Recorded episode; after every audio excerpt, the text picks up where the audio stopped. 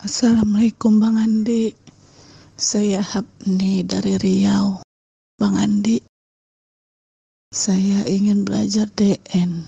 Tapi entah kenapa, kenapa saya selalu mual bila mendengar video Bang Andi. Saya mau muntah. Saya ingin sekali mau mengamalkannya, tapi terurung niat saya. Entah kenapa itu terjadi Bang Andi. Bang Andi, saya akui dulu saya waktu masih muda dibekali sama nenek kami. Katanya untuk penjaga badan. Sebelum merantau, saya dimandikan dan disuruh makan sirih. Dan sampai dengan saat ini Bang Andi, walaupun nenek saya sudah meninggal, dulunya kami aman-aman aja. Bang Andi, tolong Bang Andi, karena aku ingin bersih menuju Allah Bang Andi. Assalamualaikum warahmatullahi wabarakatuh. Waalaikumsalam warahmatullahi wabarakatuh. Bener nih, Ibu Afni mau bersih. Tanya dulu dirinya yang benar, ya. Coba diingat-ingat dalam mengamalkan zikir nafas itu niatnya apa? Kalau niat kita untuk mendapatkan ilmu pasti akan berdampak pada diri. Tapi kalau niat kita untuk mendekatkan diri kepada Allah insya Allah itu dimudahkan oleh Allah. Ya. Kalau betul mau bersih betul mau mendekat kepada Allah betul kita mau lurus kepada Allah ya lepaskan semua yang ada pada diri kita. Apa saja kemelekatan, berhala diri yang masih kita akui, lepaskan. Terkadang kita itu di mulut ngomong lurus, di hati nggak mau lurus. Terkadang kita di mulut ngomongnya betul aku mau ke Allah. Hanya Allah yang aku minta pertolongan, tapi masih juga minta pertolongan sama makhluk lain jadi inilah hati-hati kawan-kawan. Pada saudaraku sahabatku kalau dahulunya kita pernah dikasih makan ini makan itu dikasih amalan ini amalan itu memang sekian tahun aman. Karena apa? Kita nggak menyadari. Kita nggak paham. Ya kan? Keimanan kita juga belum kuat dengan berjalannya waktu kita betul-betul mulai lagi kembali mendekat kepada Allah. Dia juga nggak terima. Ya. Jadi kalau dibilang bang kenapa saya sekarang mengamalkan DN kok sakit-sakitan bang? Ya di badan kita belum bersih. Jadi nih kalau betul mau lurus saya doakan mudah-mudahan lepas Mudah-mudahan bersih, mudah-mudahan mudah kita menuju Allah. Setiap mandi coba diniatkan itu sebelum mandi. Baca doa bahasa Indonesia aja. Nggak usah pakai ayat-ayat panjang-panjang ya kan? Bahasa Indonesia aja. Ya Allah bersihkanlah lahir dan batinku dari segala kekotoran dari segala makhluk yang selalu mendampingiku dari segala jin yang bersemayam di diriku dengan air ini ya Allah bersihkanlah. Setiap mandi itu catat ini doa ini catat. Ya bersihkan lahir dan batinku. Siram dulu kepala kita itu ya. Setiap gayung pakai bismillah ya kalau misalnya kita lagi mandi itu kita pakai gayung kan. Misalkan kita di kampung, orang kampung jarang pakai shower. Nah, setiap gayung demi gayung kita guyur di badan kita itu bismillah. Ya. Dalam hati aja. Kalau kita apa? pakai shower mandinya. Nah, setiap embusan nafas itu bismillah ya jadi segala gerak gerik hidup kita itu sudah apa ya? Ada Allahnya gitu. Nanti bersih. Ya. Setiap mandi tuh begitu. Lalu setelah kita sudah lakukan ketika mandi sholat tobat dulu kepada Allah ampuni segala dosa-dosa kita. Ya jangan kita menuju Allah itu dalam kondisi kotor. Ibaratnya kondisi berdosa. Banyak kita mendekat mendekat tapi kita aja masih kotor. Jadi kalau diambil pelajaran dari kisahnya Nabi Musa ketika Nabi Musa hendak menjumpai Allah di Bukit Tursina itu ya kalau nggak salah saya itu. Apa Allah bilang? Lepaskanlah terompahmu terompah itu apa? Sendal kan? Sendal itu apa? Kotor kan? Ya kan? Sesungguhnya ini lembah suci yang tuh apa lembah tua yang suci katanya kan? Jadi tempat itu suci. Bertemu Allah juga harus kondisi suci. Suci ini bukan dalam suci zohir saja, batin juga harus suci. Makanya hilangkan kekotoran hati, ya, iri dengki, suuzon pada orang lain. Mungkin kita dari segi syariat luar biasa ibadah kita. Sholat kita, ngaji kita, zikir kita, tapi dal dalam segi hati, weh kotornya luar biasa. Masih iri dengki sama orang, masih mempunyai sifat amarah, pembenci. Nah itu namanya batinnya masih kotor. Makanya kita bersihkan zohir kita juga kita bersihkan batin kita. Kita mandikan zohir kita, kita mandikan juga batin kita. Sering-sering minta doa kepada Allah. Bersihkan zohir dan batinku ya Allah. Habis itu jaga hati. Hilangkan dari penyakit-penyakit hati itu. Banyak-banyak minta ampun kepada Allah. Setiap selesai sholat, ampunkanlah dosa-dosaku ya Allah. Baik yang aku sengaja maupun aku tak sengaja. Baik yang aku ketahui maupun aku tak ketahui bahwa aku berdosa.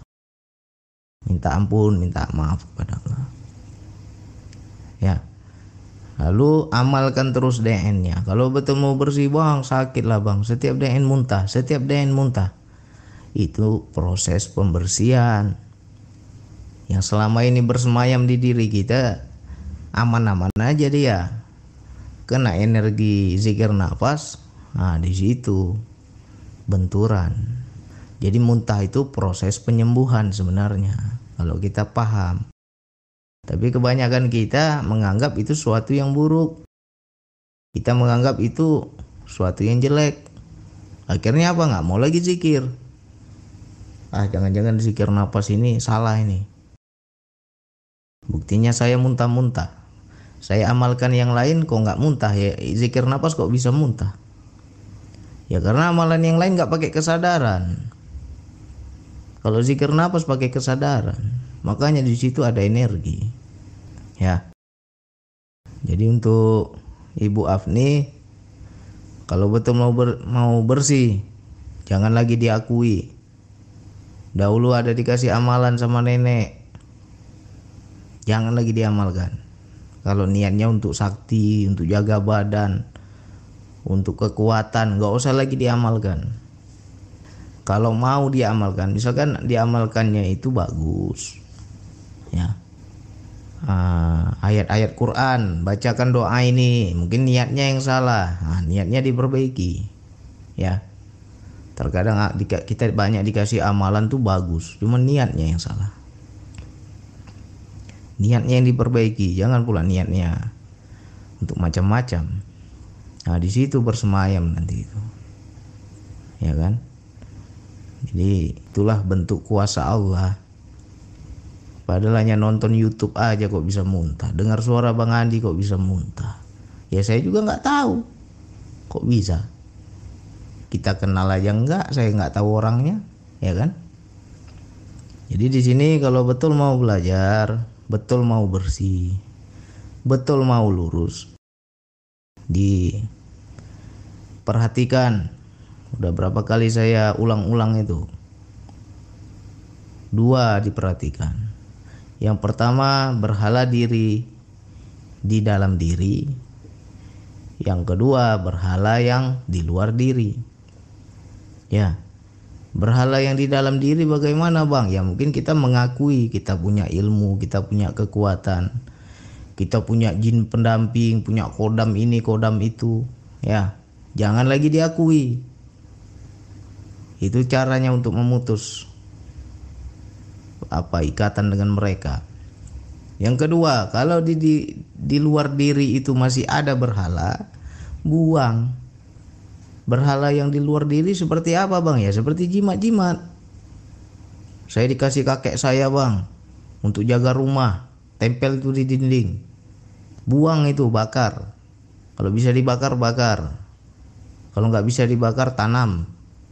Cari hutan yang nggak nggak dijumpai orang tanam situ. Kalau nggak buang ke laut. Ya. Jadi belajar lurus jangan sampai kita umur semakin tua ya. Tapi kesadaran kita nggak ada ke Allah. Masih terus kita itu digrogoti karena dia udah bersemayam di diri kita tingkah laku kita pun macam dia ya. Kalau sudah jin setan udah bersemayam itu tingkah laku kita ini ya macam dia. Pemarah pembenci cepat tersinggung apalagi? Suka berprasangka buruk ya. Karena apa? Di diri kita banyak kali bisikan. Ngelihat tetangga begini wah banyak itu dibisik ini, ini bisik ini tuh. Akhirnya apa? Timbul iri hati. Ya timbul nggak suka. Timbul rasa bersaing. Ya itu rata-rata itu perempuan banyak kena itu kenapa sama tetangga iri-irian ya banyak setan tuh di badannya itu dibisikin tapi dia nggak paham ya Kenapa bisa terjadi itu bang? Ya kita nggak ada iman, nggak nggak kuat kita ke Allahnya. Ya saya bantu doa mudah-mudahan Allah mudahkan. Kalau betul kita hendak menuju kepada Allah tidak ada yang bisa menghalangi. Ya kalau ada yang bisa ada yang menghalangi dalam menuju Allah, minta kekuatan sama Allah. Hancurkan dia ya Allah. Kalau dia menghalang-halangiku, hancurkan. Ya memang akan ada efek. Efeknya apa? Kita sakit. Ya. Nggak apa-apa sakit. Yang penting kita lurus. Ya. Jadi jangan tanggung-tanggung. Saya dulu luar biasa sakit untuk membersihkan itu semua ya jadi untuk siapa pun saudaraku sahabatku kalau betul mau lurus luruslah. Ya. Istilahnya ya kita rukiah diri kita sendiri. Dengan apa caranya? Ya lepaskan ikatan kita itu. Banyak orang rukiah sana rukiah sini yang dia andalkan hanya tukang rukiah ya. Waktu ada tukang rukiah pergi jinnya udah pulang balik lagi dia karena apa di diri kita belum kita lepas masih kita akui ya bersihkan dulu bentengi diri kita dengan cahaya Allah dengan cahaya zikir. Jangan lagi diakui makhluk-makhluk itu. Jangan lagi kita menganggap aku punya kekuatan, aku punya ilmu ini, ilmu itu. Nanti banyak jin yang masuk. Ya. Jadi dua tadi dibersihkan. Berhala di dalam diri dan berhala di luar diri. Yang di dalam diri tentang pengakuan-pengakuan suatu keilmuan. Ya yang di luar diri. Kalau masih ada jimat-jimat yang mensekutukan Allah, buang, bakar. Ya. Ah, tapi sayanglah bang, ini kan pusaka nenek bang. Ya nanti anak cucumu kena nanti. Ya, kau sayang sayang lah, mati kau anak cucu nanti kena. Turun itu. Ya. Kalau betul mau hidup kita lurus ya lurus. Memang berat, melepas berhala itu berat ya habis itu setiap mandi berdoa bersihkan zohir dan batinku ya Allah kalau diamalkan itu doa yang saya bilang tadi itu Insya Allah itu wajah kita berseri. Karena apa? Wajah kita batin kita udah bersih. Berseri wajah kita itu. Makanya banyak orang kita lihat mukanya cantik lihat mukanya ganteng tapi kayak setan ya. Kok seram ya bang? Kok sadis ya mukanya? Padahal cantik orangnya. Ya kan? Karena apa? Batinnya jelek udah. Batinnya nggak pernah mandi.